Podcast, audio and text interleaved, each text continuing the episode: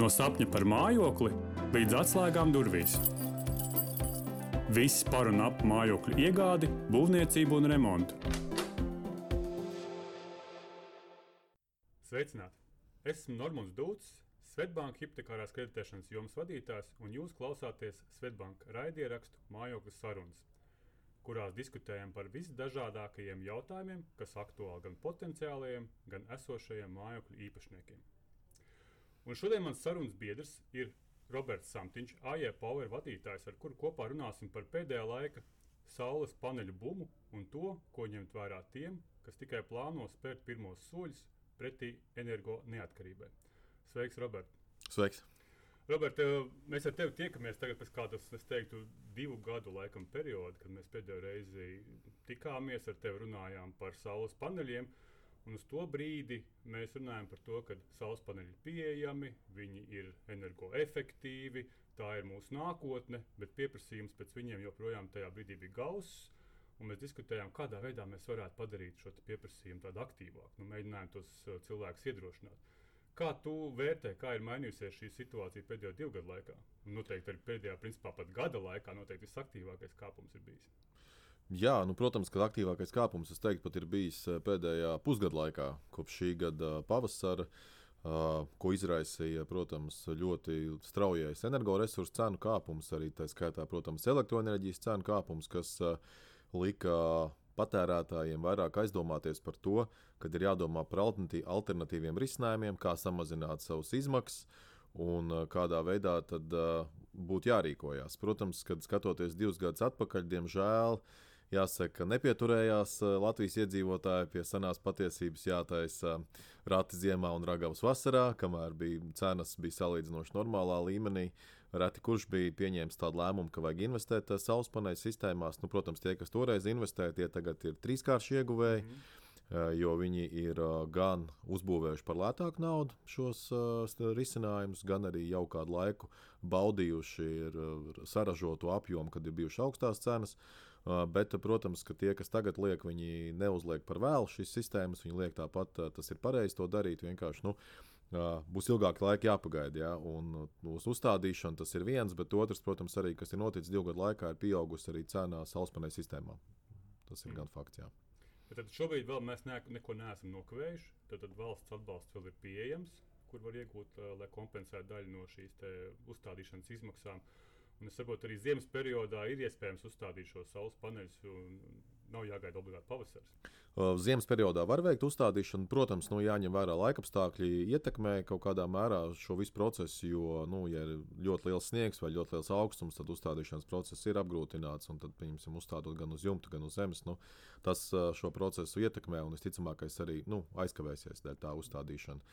Labāk, protams, ir uzstādīt siltā laikā, un šobrīd es domāju, ka ir vienkārši nu, sakot, jāstājas rindā un mhm. jāgaida, kad pienāks rindas. Bet cik gara tad ir šī rinda? Ja tu saki, ka pieprasījums ir tik augsts, tad cik ilgi būtu jāgaida, ja mēs šodien pieņemam lēmumu? Jā, nu, tās droši vien ir atkarīgs no katram komersantam, kurš darbojas šajā jomā, ir savādāk. Uh, ir teiksim, komersanti, kas vairāk fokusējas uz privātpersonām, viņiem iespējams šie gaidīšanas laiki ir īsāki.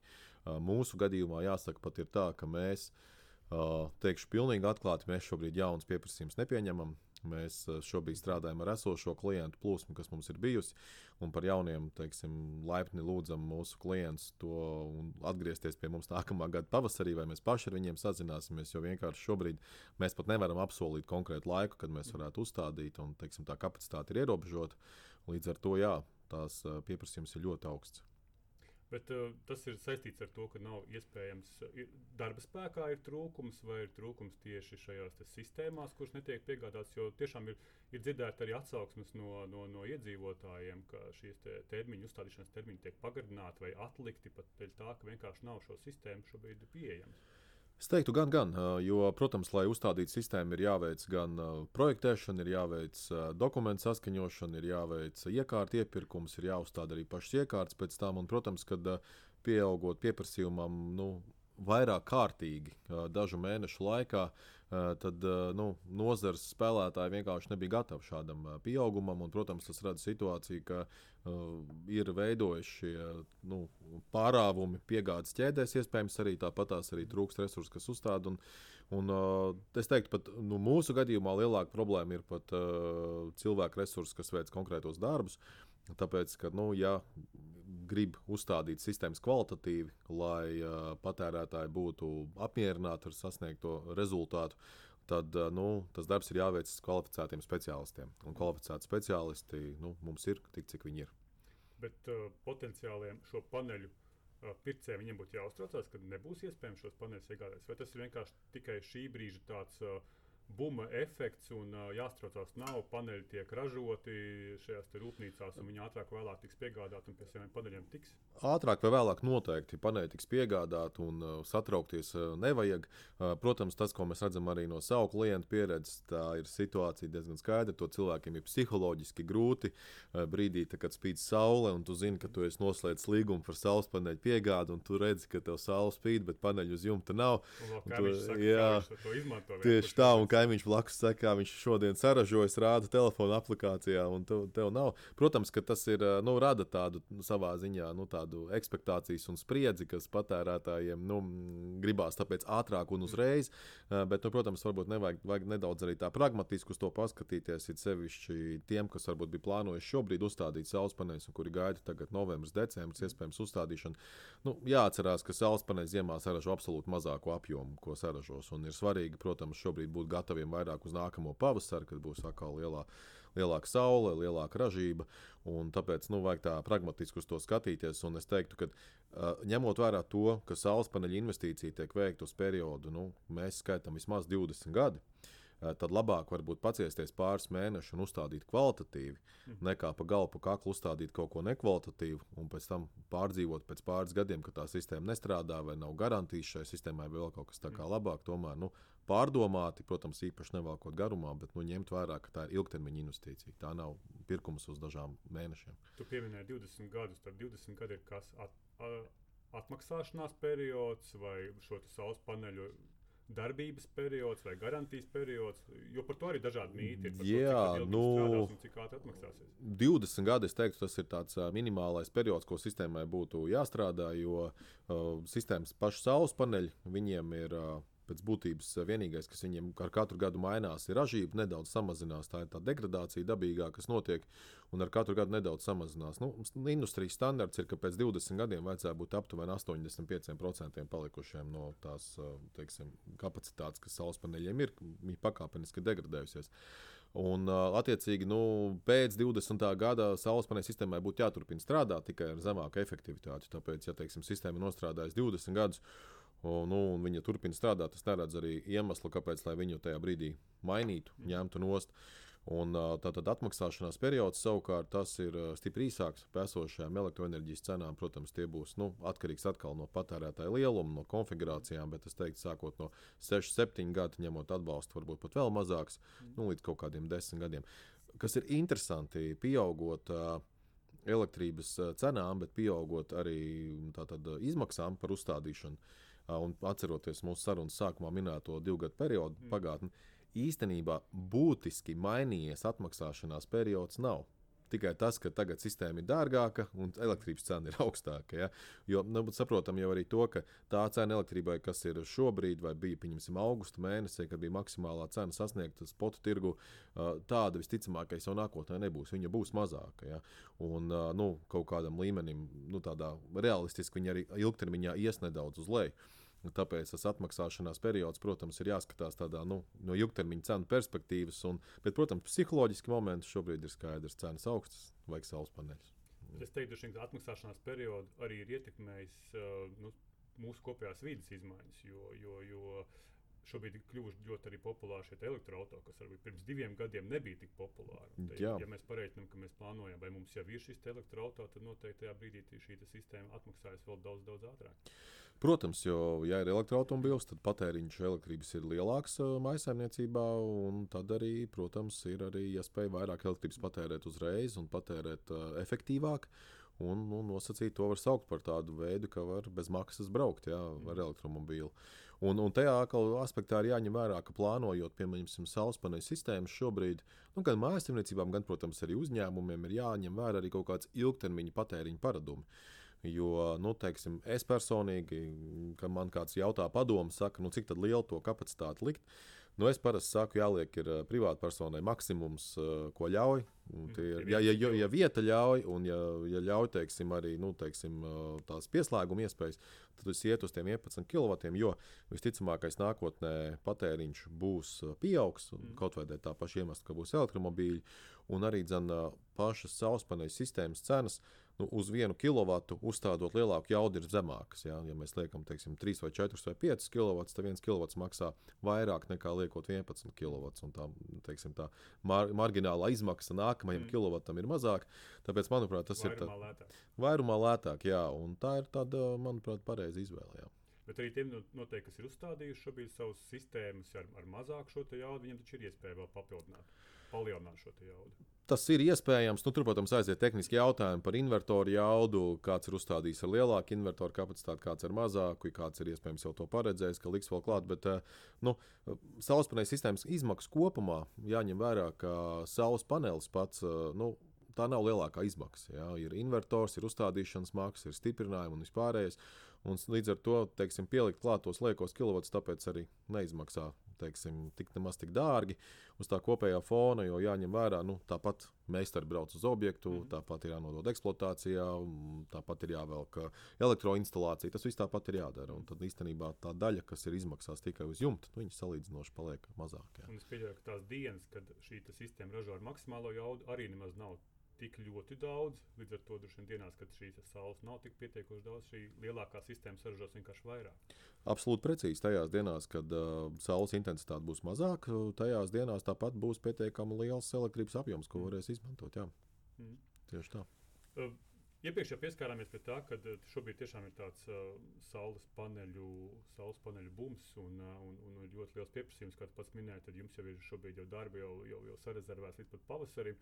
Tas jau noteikti arī veido atkal piedāvājumu pusi. Tad līdz ar to piedāvājumu pusē parādās daudz citi spēlētāji, kas pie, piegādā šīs saules uh, sistēmas. Uh, kā patērētājiem neapjukt visā tajā plašajā klāstā. Ir ļoti daudz dažādu nosaukumu, kur tiek iekļauts gan saule, gan enerģija, gan vis, visādi savādāk. Līdz ar to, nu, kā izvēlēties pareizāk šo sistēmu, kā neiekrist. Nu jā, tas, protams, ir tāds šobrīd iekrist, diezgan tāds, es pateiktu, jūtīgs jautājums. Nu jau paliek kontekstā ar to, kā veicot šo pirkumu, kas ir pietiekami dārgs, eh, ne, ne, nekļūdīties un neuzstādīt kaut ko tādu, kur pēc tam nākotnē nāktos nožēlot. Nu, protams, ka uh, uzstādītāji ir dažādi, un nu, es teiktu, līdz ar to arī piedāvātie produkti ir dažādi. Jo nu, tā jau jebkurā jomā, ko mēs paskatāmies, mēs varam uh, atrast uh, ražotājus un piegādātājus, kas piegādā lētākus risinājumus, bet ar mazāku garantiju, ar mazāku, pieņemsim, kaut kādu servisa līmeni. Un mēs varam sastapt arī piedāvājumus tirgū, jebkurā arī jomā, kur ir augstākas kvalitātes standarti, augstākas garantijas, bet kas attiecīgi arī cenu ziņā būs augstāki.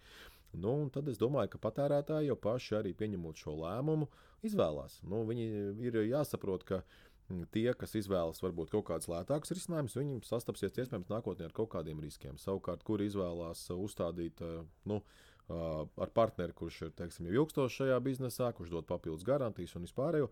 Un, nu, jāatzīst arī, ka tāda, nu, protams, šī jomā, diemžēl, pelēkā ekonomika ir uzplaukusi. Ja, diemžēl tas tā ir un uh, notiek diezgan daudz šīs uzstādīšanas arī tādā pelēkā zonā, nemaksājot nodokļus. Ja, tas, protams, arī nu, tas nav labi. Ja, nu, tas nav labi kopumā. Uh, Un tas tajā bumā, buma iespējā, protams, ir saradies diezgan daudz tādu spēlētāju, kas vienkārši tādā pelēkā zonā darbojās. Un tur arī, protams, nebūs garantija nekāda. Tieši tā. Un tur ir jārēķinās, ka to ka dabūjot stipri lētāk, nemaksājot nodokļus, dabūsiet lētāk, jā, bet uh, nākotnē. Nu, tā, nu, mēs pieņemsim, šobrīd jau saņemam kādreiz zvanus no patērētājiem, kas ir uzstādījuši kaut kā. Kurš zvans saka, jā, man bija uzstādītājs, viņš tur pazuda. Mm -hmm. Ko man tagad darīt? Man sistēma nestrādāja. nu, Nu, mēs jau neesam saka, bezmaksas konsultantu kantors, līdz ar to nu, tur kaut kā tā situācija ir jārisina. Bet nu, tādas situācijas parādās. Jā.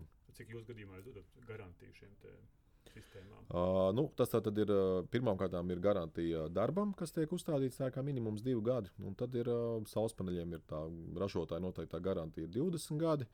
Un atkarībā no invertoriem un stiprinājumiem, tur atkarībā no modeļa, nu, tas ir no 5 līdz uh, 15 gadi arī. Nu, ir garantija. Nu, pārsvarā jau ir jārēķinās, ka, ja ir kaut kādas problēmas sistēmām, tad tās notiek sākotnējā fāzē, kuras tad var diezgan ātri arī novērst. Bet, protams, nu, ja notiek piemēram situācija, ka pēc kaut kādiem gadiem kaut kādi konkrēti paneļi nestrādā, nu, tad tie paneļi ir jāmaina. Jā, un tad tam piegādātājam, kurš ir uzstādījis, ir jāspēj nu, nomainīt šie paneļi. Nu, ir, tas ir nozīmē, ka jāmeklē partneris, kurš, kurš vismaz nu, tos tuvākos 5 līdz 15 vai pat 20 gadus būs sazvanāms un sasniedzams. Nu, tieši tā. Nu, vai arī nu, otrs variants, protams, ko var darīt, ir apzinoties, ka liek lētāku risinājumu. Nu, tad jārēķinās, ka iespējams būs kaut kas jā, jāpieinvestē klāt kaut kādā Jāinvestē brīdī. klāt, Jā, jā. Bet kā tad būtu tie mājas darbi, kas, kas tam patērētājiem būtu nu, sāku, sākotnēji jāveic apzinot? Tad viena lieta, ko mēs jau izrunājām ar tevi, uh, principā atrast partneri, kurš ir stabils. Otra lieta noteikti ir aprēķināt šo jaudu, kuru viņš vēlās uzlikt. Un šajā gadījumā droši vien nu, jāparedz iespējams uh, šīs te. uh, Nākotnes uh, energoenerģijas patēriņa pieaugums, jo nu, paradigma Mhm. mainīsies. Iespējams, ka uz doto brīdi nezinu, ūdens, kas tiek sildīts ar gāzi, pieņemsim, tiks sildīts turpmāk ar, ar, ar Jā. elektrību, vai tā pati gāzes plīts tiks aizstāta ar elektrisko plīti. Bet kas vēl ir jāņem vērā? Kas ir, kas ir tie nezinu, mājas debesu puses uh, vien? Vai Nu, Tas jā. ir noteikti jāapzina, pirms tu vispār saproti, vai tas panelis ir uh, uz tā jumta ir iespējams. uz- Nu, novietot. tādā perfektā pasaulē, un arī nu, kā mēs to darām, uh, ir tā, ka uh, pirmām kārtām, protams, jā, ir jautājums, nu, ka no sākuma jāizvēlās ir partneris, bet tad ir no partnera jālūdz, uh, lai sagatavo tādu pamatu informāciju, ko šī saules paneļa sistēma, kas tiek uzstādīta, uh, cik saražos elektroenerģiju. Jo tajā brīdī arī ir iespējams izvērtēt dažādas jaudas sistēmām. Un, tajā mēs, piemēram, arī, kad klientam gatavojam šo uh, prognozi, cik daudz saražos konkrētā sauspaneļa sistēma, mēs ņemam vērā mājas novietojumu, mēs ņemam vērā mm, jumta slīpumu, mēs ņemam vērā vai priekšā kaut kādi koki, šķēršļi, jeb kas cits. Un uh, iedodam, klientam ir jāsaņem ļoti precīzs aprēķins, cik daudz elektroenerģija tiks saražot no konkrētās sistēmas. Un tikai tajā brīdī, kad ir skaidrība, cik daudz saražos elektroenerģija no konkrētās sistēmas, var izrēķināt arī precīzi, cik ātri tas atmaksāsies. Nu, jau skaidrs, galvenais jau ir iegūt kilovatu stundu, ko saražos, nevis uzstādīto kilovatu. Jo uzstādītos kilovatus jau var samest uz tā jumta, rupi sakot. Ja? Bet, ja tā sistēma neražos, nu, tad, tad būs teiksim, vilšanās. Un, un tas ir arī tas, par ko ir jāprasa garantija piegādātājiem. Ne tikai par to, ka sistēma strādās, bet arī, ka sistēma saražos konkrētu kilovatu stundu skaitu, ko piegādātājs ir apsolījis. Jo tas ir tas, ko klients pērk. Viens ir pērk iekārtu, bet patiesībā jau pērk nākotnes saražoto kilovatu stundu. Un, ja šādu teiksim, aprēķinu var iegūt un arī garantija tam, ka tā būs, tad klients savā pusē var veikt aprēķinu, zinot, cik ir investīcija, cik kilovatstundas un apmēram cik ātri tas atmaksāsies. Tad es teiktu, ka tas ir brīdis, kad var arī slēgt līgumu un veikt uzstādīšanu. Bet ir kaut kādas arī tādas nebarjeras, kad jūs vienkārši pasakāt, nē, nu šī jumta vienkārši šo sistēmu nav vērts, vai vienkārši nevar uzstādīt, vai tur ir nezinu, jumts jāmaina, vai kaut, Jā. kaut kāds cits iemesls. Ne, nu, protams, ka uh, dažreiz ir sarunās ar klientiem nonākt pie secinājuma, nu, ka, ja jumts jau ir teiksim, nokalpojis kaut kādu laiku, un ir skaidrs, ka tuvāko nezinu, trīs gadu laikā jums būs jāmaina, un klients pats to apzinās, uh, tad, uh, protams, kad uh, labāk ir uh, informēt klientu un teikt, ka nu, varbūt sākt ar to jumta nomaiņu, un pēc tam likt saules paneļa sistēmu. Jo, protams, ka var uzlikt un atkal noņemt nost, bet nu, tas viss ir liekas darbs, un darbs mūsdienās maksā arvien, arvien dārgāk. Tāpēc nu, labāk ir iet kaut kāda loģiska secība. Nu, un otrs, protams, ir, ja ir kaut kāda jumta novietojums, nu, kur ir tiešām ļoti maz ražība sasniegt. Jā, Tad kur- noēnojums. noēnojums vai novietojums uz nepareizo debesu pusi. Un, un, un tā, nu, kad vienkārši liekas, nu, jā, nu, labāk tad, tad to nedarīt. Jā, nu, gribās ļoti, bet, nu, ja tu tāds atmaksāšanās periods tā, ka būs ļoti zema ražība, paliek ļoti garš, nu, tur nezinu, kaut vai tie paši 20 gadi, nu, nu nav īsti racionalitātes tajā. Jā, tajā Droši vien, ka alternatīva vienīgais ir izskatīt iespēju likt uz zemes šos paneļus. Jā, ja ir ā, pieejama vieta, un to īstenībā arī diezgan daudz patērētāji dara, kas liek uz zemes saules paneļa sistēmas. Tur atkal ir, nu, salīdzinot ar jumtu, ir savs nianses. Uz jumta no vienas puses var uzlikt, un neviens netiek klāt saules paneļa sistēmām, bet no otras puses atkal nu, ir tomēr jāliek uz jumta. Kaut kādā veidā jumts tiek ietekmēts. Iespējams, ka to jumtu gribēs mainīt, būs sarežģījumi, bet liekot uz zemes, tad atkrīt viss tas, teiksim, bažas par jumta kaut kādu iejaukšanos jumta sistēmās. Bet, nu, jāatcerās, ka tomēr ap saules paneļa sistēmu divreiz gadā tālu būs jānopļauj, lai viņi neaizog pilnībā, un vajag atlicināt kaut kādu vietu uz zemes, kas nu, kādreiz nu, ir ierobežota. Bet, ja vieta uz zemes ir, es pat ar daudzreiz iesaku likt uz zemes, jo tas ir. Nu, Pat, un pie tam, kas uz zemes vēl ir plus, tad uz zemes turpat stāv arī invertors, saules paneļi. Var vest ciemiņus ekskursijā un rādīt, kāda mm. zaļa domājoša maisaimniecība šeit dzīvoja. Kādas vēl ir tās apkopes, apkop, nepieciešamās apkopes šiem saules paneļiem? Jo nu, arī lasot uh, iedzīvotāju bažas, nu, tur ir ļoti daudz un dažādu padomu par to, ka viņi ir jāmazgā, putekļi jātīra, sniegs jātīra. Vai to ir vērts darīt vispār?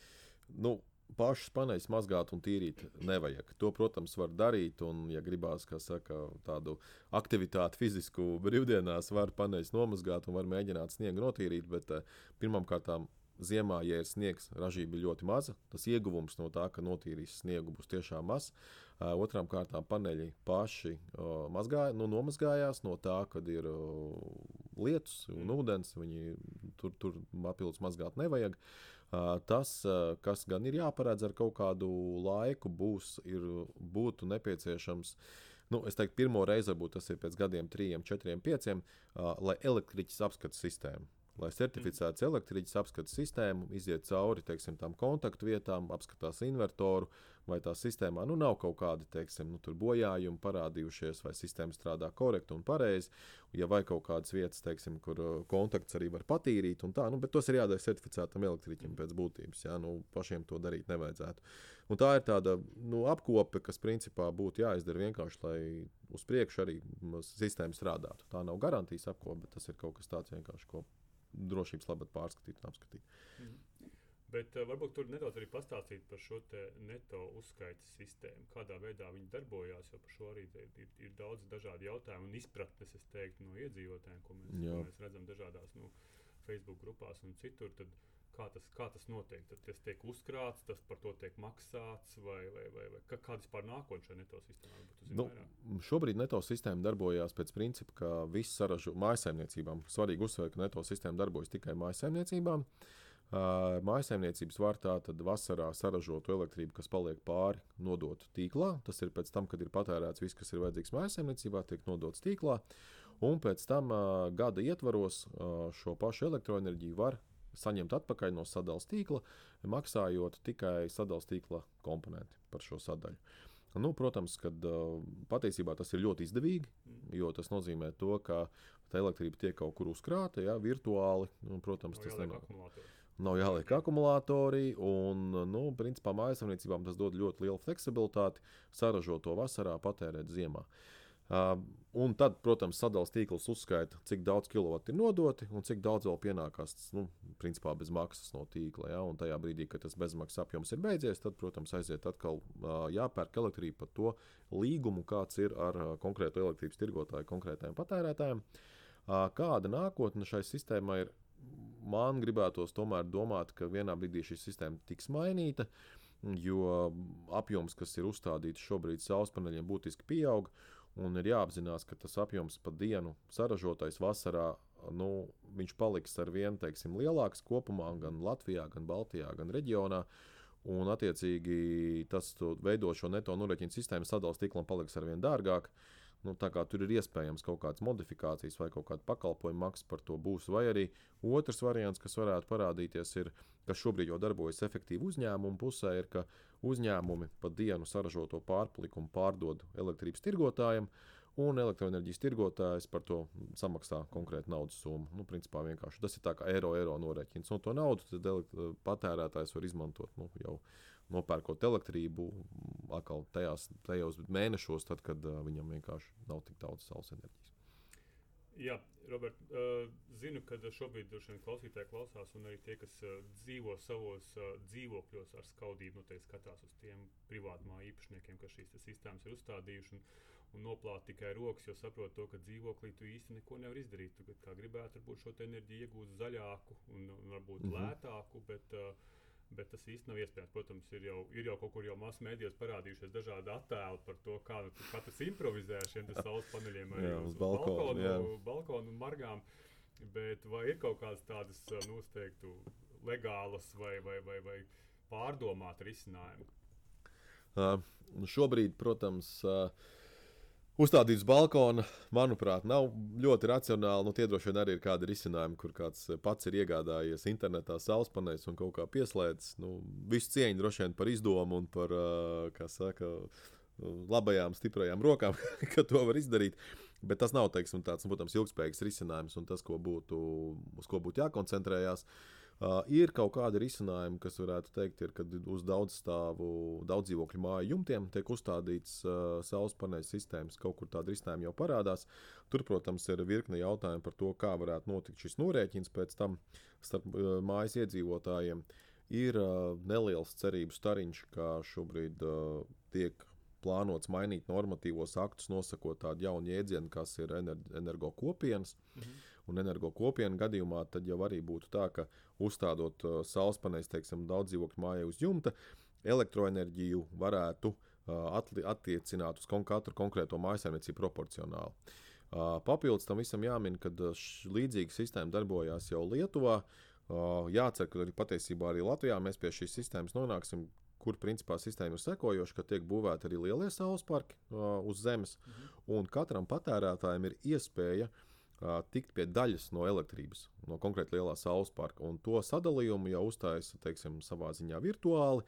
Tas nav, protams, pieslēgts, netiek aizvilkts vats no lielā saules parka uz katru dzīvokli, bet uh, dzīvokļu īpašnieks, teiksim, nopērkas, nezinu, pusprocentu konkrēti lielajā saules parkā, un pusprocents no tās elektrības tiek attiecināts uz konkrēto patērētāju. Un es ļoti ceru, ka tādā veidā arī normatīvi akti tiks mainīti arī Latvijā, kas ļaus arī iedzīvotājiem, kuri nav savās mājvietās uzstādīt saules paneļus, teiksim, tā virtuāli iegādāties konkrētu daļu no lielā saules parka un tādā ziņā arī baudīt šo elektroenerģiju. Tas ir tāds tevis pieminētās energo kopienas, bet kaut kur gaisā virmo arī šī ideja, ka es varētu uzstādīt šo saules sistēmu savas privātmājas vai nezinu, aiz laukumājas īpašumā, bet pēc tam izmantot saražoto elektroenerģiju arī savā dzīvoklī. Jā, Cik tas, uh, tas ir arī tieši tajā pašā, kā saka, ideja kopumā ar konkrētajām arī izmaiņām normatīvos aktos. Jā, tiek paredzēts, ka varētu izmantot vienam Uh, uz viena patērētāja esošiem objektiem. Tātad tur ir svarīgi, ka abi objekti ir vienam patērētājam. Tur nevar būt situācija, kad māja ir uz uh, vīra, bet uh, dzīvoklis ir uz sievu. Tādā veidā nevarēs uh, notikt šis neto norēķins, bet, ja abi objekti būs uz vienu konkrētu fizisku, fizisku personu, uh, tad varētu veikt šo apkopojumu, jā, apvienojumu starp abiem objektiem, kas nozīmē, ka ražojot, pieņemsim, saules parkā vasarnīcā, varētu patērēt dzīvoklī šo elektroenerģiju. Tas ir kaut kas ļoti tāls, vai kā tev? Es uh, domāju, ka nē. Es domāju, ka tam vajadzētu visam jau parādīties kaut kādām konkrētākām aprisēm uh, uz nākamā gada pavasarī. Nu, mums būs jauna ministrija, kas nodarbosies tikai ar šīm lietām. Attiecīgi, ar ļoti lielām cerībām varam raudzīties un prasīt rezultātus, lai to īstenot. Jā. -hmm. Gaidīsim noteikti. Jā. Jā, Roberts, noslēgumā tev vēlos pavaicāt, kā tu redzi vispār šīs nozares attīstību un, un lielākos izaicinājumus, kas notiks, varbūt eh, kāds varētu ietekmēt patērētājus. Šie paneļu sistēmas varbūt kļūs dārgākas vai lētākas vai, vai jaudīgākas. Uh, es domāju, ka, protams, ka paneļa sistēma cena varētu šobrīd arī stabilizēties. Vairāk tādam pieaugumam nevajadzētu būt. Nu, tas ir saistīts arī ar kaut kādām globālām tendencēm, kad resursu cenas pamazām sāk stabilizēties un pat kristies. Uh, Kas attiecās uz efektivitāti, tad, protams, efektivitāte visu laiku nedaudz pieaug. Efektivitāte ir jāmēra uz vienu kvadrātmetru saules paneļu, cik daudz var saražot. Un, protams, efektivitāte vienkāršot nozīmē to, ka vajadzīga mazāka vieta, lai uzstādītu tādu pašu kapacitāti saules paneļu sistēmai. Protams, ir nu, šai efektivitātei ir kaut kāds slieksnis, līdz kurai var aiziet. Tā pakāpeniski katru gadu nedaudz, nedaudz pieaug. Uh, bet uh, kopumā es domāju, no tādām tendencēm, par ko mājsaimniecībām vajadzētu sākt domāt, un kuras noteikti mudina domāt, ir, ir, uh, nu, ir divas lietas, ko, kas nākotnē noteikti būs jāņem vērā. Uzstādot saules paneļu un arī vēja enerģijas apjoms būtiski palielināsies gan Latvijā, gan reģionā. Attiecīgi būs arvien lielākas elektrības cenu svārstības. Un ir svarīgi gan veidot paradumus, gan jau iegādāties iekārtas, kurām var uh, mainīt brīdi, kad viņas patērē elektroenerģiju. Ir svarīgi jau mēģināt domāt par to, ka elektrība ir jāpatērē vairāk stundās, kad cena ir zemāka, un, un tad, kad cena ir augstāka, tad labāk tērēt mazāk. Un, un tā, es domāju, būs nākamā tendence, kur arī liels ļoti daudz investīcijas, kur arī mājsaimniecībām vajadzēs domāt un kādā veidā, jo tā varēs ļoti daudz iekļūt. Pat šobrīd mēs jau redzam, uh, Šodien elektroenerģijas cena naktī bija 9 eiro par megawatu stundu, dienā viņa pārsniedza 200 eiro par megawatu stundu. Tas nozīmē, ka naktī jūs varējāt nopirkt elektrību 20 reizes lētāk nekā dienā. Un, ja patēriņu lādējam mašīnu, mazgājam vēju, mazgājam traukus, visu pārnest uz tām naktas stundām, tad ekonomija sanāk ļoti liela. Bet nu, tur ir tur vajag, kā saka, veidot paradumus un arī atbilstošu tehnisko aprīkojumu. Jā, nu, es tā, Robert, teikšu tev milzīgi paldies par šo sarunu. Es teiktu, ka mums vajadzētu iedibināt tādu labu tradīciju. Vismaz atkal satikties ne, ne ilgāk kā pēc diviem gadiem vēlreiz. es piekrītu. atskatīties uz šo sarunu, paskatīties, kā ir šī, tad, šī industrija gājusi uz priekšu. Milzīgs tev paldies. Jā, paldies par uzaicinājumu. Prieks uh, aprunāties un uh, jā, uz tikšanos nākamreiz. Jā, paldies klausītāji par, par klausīšanos un tiekamies nākamajās mājās sarunās. Atā. Bye.